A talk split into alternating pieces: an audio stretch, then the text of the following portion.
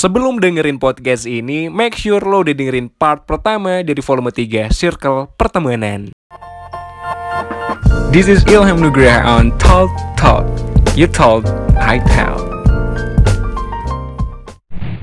Halo semuanya, ini Ilham Nugraha di Talk Talk. You told, I tell.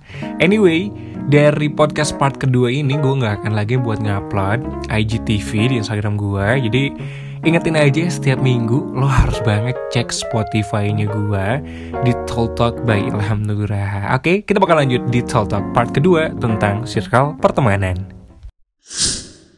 Kalau part ke satu kita udah bahas soal gimana sih caranya ngilangin kebencian sama teman sendiri dari circle pertemanan lo, yaitu dengan menganggap orang yang benci lo itu adalah orang yang gak ngerti sama lo. Jadi kita harus mengubah mindset nih kalau misalkan ada orang yang gak suka sama kita, ngomongin kita, ngejuhin kita, oh berarti orang itu gak ngerti sama lo. Dan lo harus cari temen yang ngerti sama lo, ngerti sama visi lo, ngerti ngerti lagi, brr, ngerti sama tujuan lo dan juga mau temenan sama lo. Dan itu yang paling penting. Selain itu juga ada scan lingkungan di mana harus monitor nih mana aja orang-orang yang bisa lo ajak bercanda orang-orang yang bisa lo ajak main orang-orang yang bisa ajak ditemenan sama lo gitu yang bisa dibikin asik-asik seru sama lo.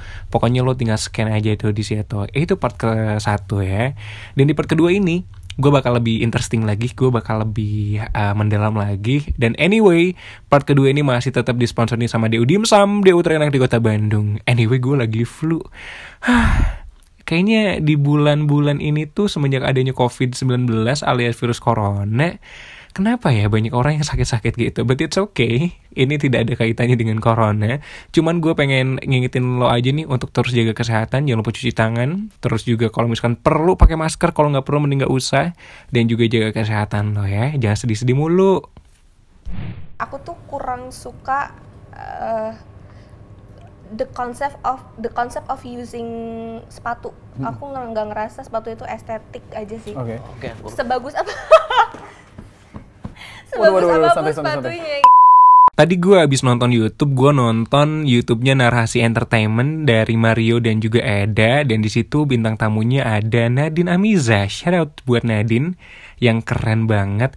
Pertama, gue shout out Nadine, dia adalah orang yang gak suka sama estetika di sepatu dan itu sama banget kayak gue. Dan orang-orang teman-teman gue tuh pada sering banget beli sepatu atau suka banget sama sepatu kayak Vantela lah yang baru, terus juga Vans of course, Converse dan segala macamnya. Orang-orang tuh pada edik banget gitu loh sama sepatu. Sementara gue kayak em ya udah biasa aja. Oke okay, oke. Okay. Gue paling pakai sepatu cuma Saint Berkeley doang karena gue suka banget sama Saint Berkeley. Si petir-petir gitu.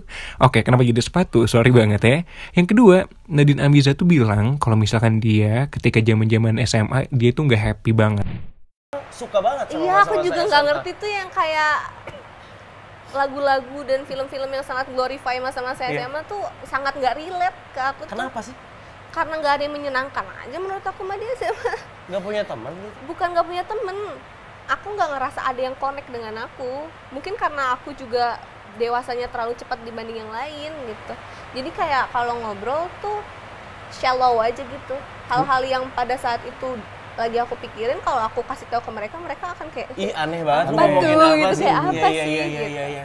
jadi dulu punya teman ngobrol gosipin cowok anak basket itu enggak ya? Oh aku tetap oh, tetap tetap kayak gitu seru. Cuma kayak um, nggak nggak kekasih nggak dikasih makan gitu jiwanya tuh kayak iya seru seru seru. Cuma kalau pulang ya udah gitu lagi.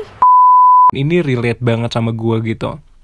Kenapa ketika ditanya nih sama Mario sama Eda kenapa sih Nadine lo nggak happy gitu di SMA Nadine ja, uh, si Mario nanya kan kayak emang lo nggak punya temen? Nadine bilang punya punya teman cuman temennya si Nadine ketika SMA itu nggak klik nggak connect sama Nadine dan tidak tidak ngasih makan ke jiwanya Nadine gitu loh. Dan ini jadi anjis. Ya banget sih menurut gue ya.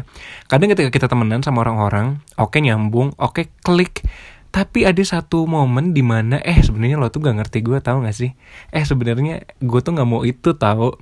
Dan itu yang dirasakan Nadine. Jadi ketika dia SMA temen sih ada kayak cewek-cewek biasa gitu. Cuman obrolannya gak ada yang nyambung sama Nadine. Terus juga ketika Nadine uh, ngomongin hal ini orang-orang pada eh apa sih Nadine? Apa sih Nadine? Kayak misalkan Nadine ngebahas soal topik A gitu terus ketika dia nyeritain ke teman-temannya teman-temannya pada yang kayak eh apa sih Nadine? Eh gue nggak ngerti loh bla bla bla bla. Dan Nadine bilang Nadine adalah orang yang dewasa sebelum waktunya. I mean like she's faster than other gitu. Itu lebih cepet untuk menangkap uh, apa ya gue ngejelasinnya daya pikirnya gitu loh. Kan Nadine kan pinter banget I love you Nadine terus juga teman-temannya mungkin masih zaman-zaman hype SMA bla bla bla sebentar Nadine udah bahas ke mana dan Nadine bilang adalah teman-temannya tidak ngasih makan jiwa Nadine It means jiwa itu pasti kan butuh yang namanya asupan dari mulai ketenangan, kebahagiaan, kasih sayang dan sebagainya yang gue tangkep ya. Dan Nadine tuh di masa SMA dia nggak dapat itu coy. Ya mungkin gara-gara temennya seolah-olah ngerti Nadine padahal enggak dan ini harus kita sadari di circle pertemanan kita. Kadang lo pernah nemu gak sih ada satu temen atau juga sahabat lo sebenarnya lo tuh ada yang dibenci dari dia. Sebenarnya lo tuh ada yang gak suka dari dia tapi karena dia satu-satunya one and only atau enggak dia yang selalu datang kepada lo ketika lo lagi butuh dan ketika lo lagi senang ya lo menerima itu gitu. Dengan terpaksa. Dan gue sangat meyakini kalau orang yang terpaksa temenan itu akan jiwanya jiwanya nggak dikasih makan gitu loh. Kayak ada circle-circle pertemanan tertentu yang di mana lo ketemu dia hanya ketika butuhnya doang dan itu terkesan dipaksakan. Let's say lo adalah seorang mahasiswa dan juga lo adalah seorang part time barista di cafe gitu. Nah lo punya circle pertemanan di kampus yang menurut lo solid banget enak banget buat lo ajak ngobrol aja segala macem.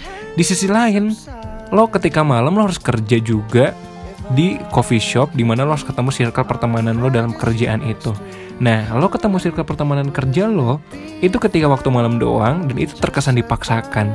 Let's say lo punya partner barista gitu yang mungkin itu nggak ngerti lo sehingga lo lo nggak ngerti dia juga sehingga lo harus sapa-sapaan sama dia ngobrol sama dia dengan keterpaksaan meskipun ngobrolnya nyambung contoh lo suka Blackpink dia juga suka Blackpink. Lo ngobrolnya nyambung. Tapi ada satu titik di mana lo ngerasa kayak hmm, kayaknya gue nggak suka deh sama lo gitu.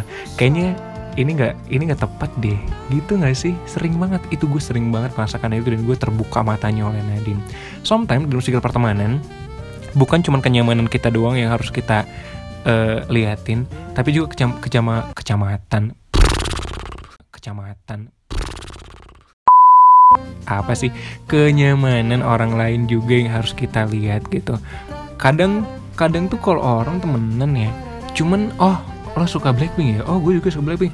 Temenan. Padahal nggak secepat itu dan nggak se instan itu ketika temenan apalagi dalam membangun circle pertemanan.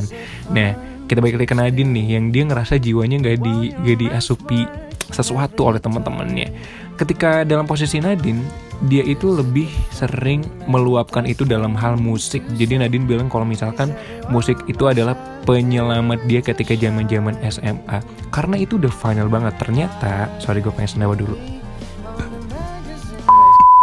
Ternyata Nadine itu tidak punya pilihan lain selain mengalihkan konsentrasinya kepada musik. Kalau misalkan Nadine masih mending, mungkin Nadine akan cari teman baru, kakak tingkatnya lah, adik kelasnya lah, atau siapanya. Dan itu berarti udah worst condition banget buat Nadine di mana dia nggak bisa nemuin temen yang klik di kampus, eh kampus, di sekolahnya. Sampai dia mengalihkan ke hal yang mungkin lebih bermanfaat lagi buat dia itu music. It's good sometimes, tapi kalau kita menghindar lebih jauh dari cari temen, ya mungkin itu bakal jadi worst condition juga buat lo, di mana lo tidak akan mendapatkan temen selama lo SMA Nah, kalau lo merasakan hal itu sekarang, lo sulit banget merasakan temen yang klik, yang bisa ngasih jiwa lo makan, udah lo udah scan lingkungan lo kayak gimana, lo udah ngehindarin benci-benci, tapi lo tetap aja nih susah untuk nyari temen. Saran dari gue adalah terus mencari temen. Karena bonding, apa ya bahasa Indonesia bonding? Ikatan untuk mencari temen yang sejati serius itu butuh waktu yang lama banget itu hampir bertahun-tahun bahkan circle pertemanan yang paling dekat sama gue sekarang ini perlu waktu sekitaran 2 tahun. Gue dari semester 1 udah ketemu sama circle pertemanan gue yang sekarang dan gue bisa bonding itu sekitaran semester 4 atau semester 3 ya. Kayaknya semester 3 semester 4 deh. Dan itu berarti butuh waktu 2 tahun. Di mana antar circle pertemanan gue sempat jauh-jauhan dulu, sempat ada yang berantem dulu, sempat ada yang gak kenal satu sama lain dulu. Sampai akhirnya di satu waktu kita dipertemukan, dibuka pikirannya, dan juga ditunjukin kalau eh lo tuh klik ternyata sama gue, eh lo juga nyambung sama gue, eh care sih sama gue nah itu tuh bakal ketemu bos. Jadi menurut gue lo harus terus mencari dan lo tetap jadi orang yang baik. Itu sih saran dari gue lo tetap jadi orang yang baik dan lo gak ngurusin hidup orang. Kayak lo sekarang nih sulit banget untuk mendapatkan teman di kampus atau di uh, kerjaan lo.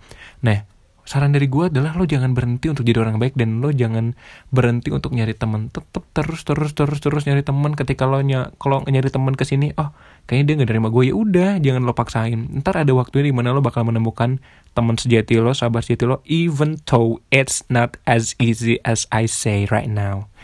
Hmm but it's okay. You have to keep finding finding Nemo kali ya. Biasanya sih kalau misalkan timbul konflik antar temenan di circle pertemanan itu gara-gara sosial media. Bener gak sih? Kayak ada yang iri lah ada yang sindir-sindiran di sosial media lah atau ada yang julitin di belakang gara-gara sosial media. Ini sempat gue obrolin sama temen gue produser eh produser sutradara film kopi ad hoc gue Dimas dan Kulit anak uh, Bandung juga. Ini ada temennya yang dicap fuckboy. Ini gue geli sih sebenarnya. Dicap fuckboy. Kenapa? Gara-gara tiap hari dia selalu update instastory barengan sama cewek-cewek. Tapi ketika dia disebut fuckboy, dia nggak mau nggak mau apa ya nggak mau menerima hal itu gitu. Ya kalau lo nggak mau disebut fuckboy ya udah lo jangan update sama cewek-cewek gitu. Terus kalau misalkan lo update di tempat-tempat mahal terus dulu disebut orang kaya ya itu wajar karena itu konsekuensi lo ngupdate itu kalau lo nggak mau disebut orang kaya ya udah nggak perlu update di tempat-tempat yang kayak gitu atau juga lo pengen banget nih nggak uh, mau gitu disebut orang bandel. Tapi setiap hari kerjaan lo misalkan tanda tanda kutip dugem dan lo update update di tempat dugem. As simple as that. Kalau lo nggak mau disebut A ya lo jangan ngelakuin hal-hal yang berkaitan dengan A. Lo nggak mau disebut sebagai orang yang jahat gitu. Ya udah lo jangan update sesuatu. Misalkan lo lagi nyuri apa terus lo update terus lo uh, posting di sosial media Twitter dan lain-lain. As simple as that gitu.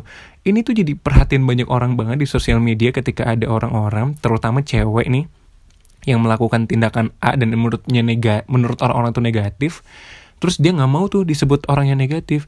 Ya udah kalau lo nggak mau disebut orang negatif ya udah lo jangan upload hal yang kayak gitu kecuali lo sudah menerima konsekuensi kalau lo bakal disebut kayak gitu. Misalkan nih ada ada cewek gitu terus kayak uh, dia foto fotonya sama cowok misalkan terus dempet dempetan itu mungkin hal yang biasa aja buat dia. Tapi kan buat orang lain mungkin itu jadi hal yang kayaknya ada apa nih? Ya bisa aja di, dia digosipin pacaran kayak digosipin apa segala macam kalau dia nggak mau digosipin ya udah dia jangan update foto kayak gitu jangan upload yang kayak gitu. Bener gak sih? As simple as that. Jadi buat lo yang nggak mau apa ya punya keributan di sosial media sama teman-teman lo, lo jangan memancing hal yang sensitif kecuali lo siap untuk menghadapi hal itu. Jangan dibikin ribet dan netizen atau orang-orang di luar sana ketika ada orang update segala macam, ya udah nggak sih lo jangan ambil pusing. Contoh orang-orang yang ngopi di tempat mahal, ya udah dia pakai duit dia sendiri, nggak pakai duit lo, terus juga nggak akan merugikan keduitan lo. terus juga orang-orang yang mungkin update dalam tanda kutip hal-hal yang negatif, ya udah itu kan dia dia yang nerima resikonya dia yang nerima segala macamnya dan lo cuma nonton itu di kamar sambil ngopi mungkin atau sambil main worm ya udah. Nggak akan ngefek juga ke kehidupan lo kecuali kalau itu adalah uh, hal yang membuat lo terusik.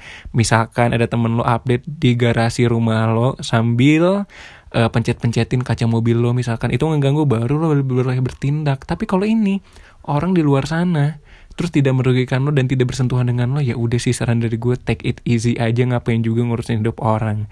Jadi hindari bermain sosial media yang sensitif dan bisa menyakiti hati orang lain. Makanya feature close friend itu penting banget buat gue terus lagi misalkan masalah dalam pertemanan adalah masalah iri-irian. Iri-irian irian jaya kali ah. Iya kayak sombong eh bukan sombong apa ya hmm, bahasa Indonesia nya ya iri deh gitu. Misalkan lo berteman sama empat orang tiba-tiba temen lo bertiga gitu ya ini tiba-tiba main sama circle lain dan lo cemburu dan lo jadi kayak masalah gede. Kayak ih lo kok main gak ngajak gue sih? Kok lo bla bla bla bla kok lo ke sana tanpa ada gue pertanyaannya itu meskipun lo berteman sama empat orang itu emang lo perjanjian kontrak gitu? Kayak lo uh, selamanya main sama gue woi teman-teman dekat lo, even sahabat yang paling lengket sama lo, dia juga punya kehidupan yang lain, dia punya teman-teman yang lain, dia punya teman bukan cuma lo doang, dan itu lo harus ingat. Even, even, even, misalkan dia main dan tanpa persetujuan lo dan tidak ngomongin lo dan tidak merugikan lo ya it's okay nggak sih? Nggak apa-apa nggak sih? Kecuali dia main sama musuh lo. Baru lo boleh tanya lo kemarin main sama dia ngomongin apa dan segala macam baru itu boleh lo tanya. Dan lo boleh cemburu tapi kalau ini dia main sama yang lain ya udah nggak sih? Atau dia main sama teman-teman yang lain ya udah nggak sih? Uh, jangan mempersempit circle pertemanan lo jadi satu benteng yang gede gitu. Ketika lo punya teman lima terus lo bentengin supaya orang-orang gak main sama yang lain. Itu buat apa? Gue tanya. Toh ada masanya ini tolong ya di highlight. Ada masanya orang yang paling lo percaya bakal tidak lo percaya. Ada masanya di mana orang-orang yang sayang sama lo tidak akan lagi sayang sama lo. Akan ada masanya. Antara dia berubah atau dia mati. Ini sumpah. Kita ambil contoh yang paling dekat adalah orang tua kita yang paling sayang sama kita dia pasti nggak akan sayang sama kita lagi. Satu, dianya berubah, mungkin kitanya yang sangat bandel dan dia tidak sayang lagi sama kita, tapi itu mustahil. Tapi itu bisa jadi terjadi jika anda anak dajal. yang kedua, orang tua kita bakalan meninggal orang tua kita bakal meninggal termasuk kita juga bakal meninggal. Dan ketika itu lo tidak akan lagi menerima kasih sayang dari orang tua lo lagi. Meskipun mungkin di alam lain orang tua kita sayang banget sama kita tapi kita tidak bisa merasakannya. Itu tuh orang tua apalagi temen lo yang gak punya ikatan darah sama lo.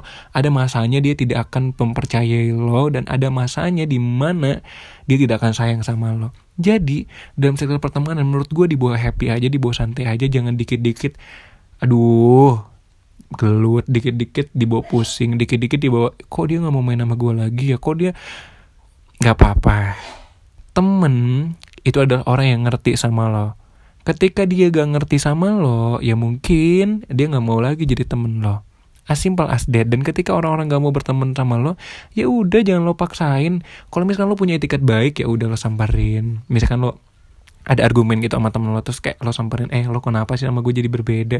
Terus dia nyeritain apa yang kesalahan kita. Dan kalau lo mengakui kesalahan lo ya udah lo minta maaf dan lo minta ajak temenan lagi temenan lagi. Tapi kalau misalkan lo udah nyamperin dia terus dia gak mau banget nih temenan sama lo udah buang muka udah buang kaki buang sem hmm, kan?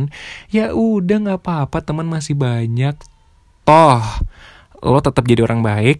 Toh lo tetap jadi manusia. Toh lo masih bisa sukses. Toh lo masih punya mimpi jadi, circle pertemanan harus dibawa santai dan lo harus jadi orang yang terbuka pikirannya. Gue Ilham Nugraha. This is Talk Talk. You talk, I tell. Temen itu kayak rezeki.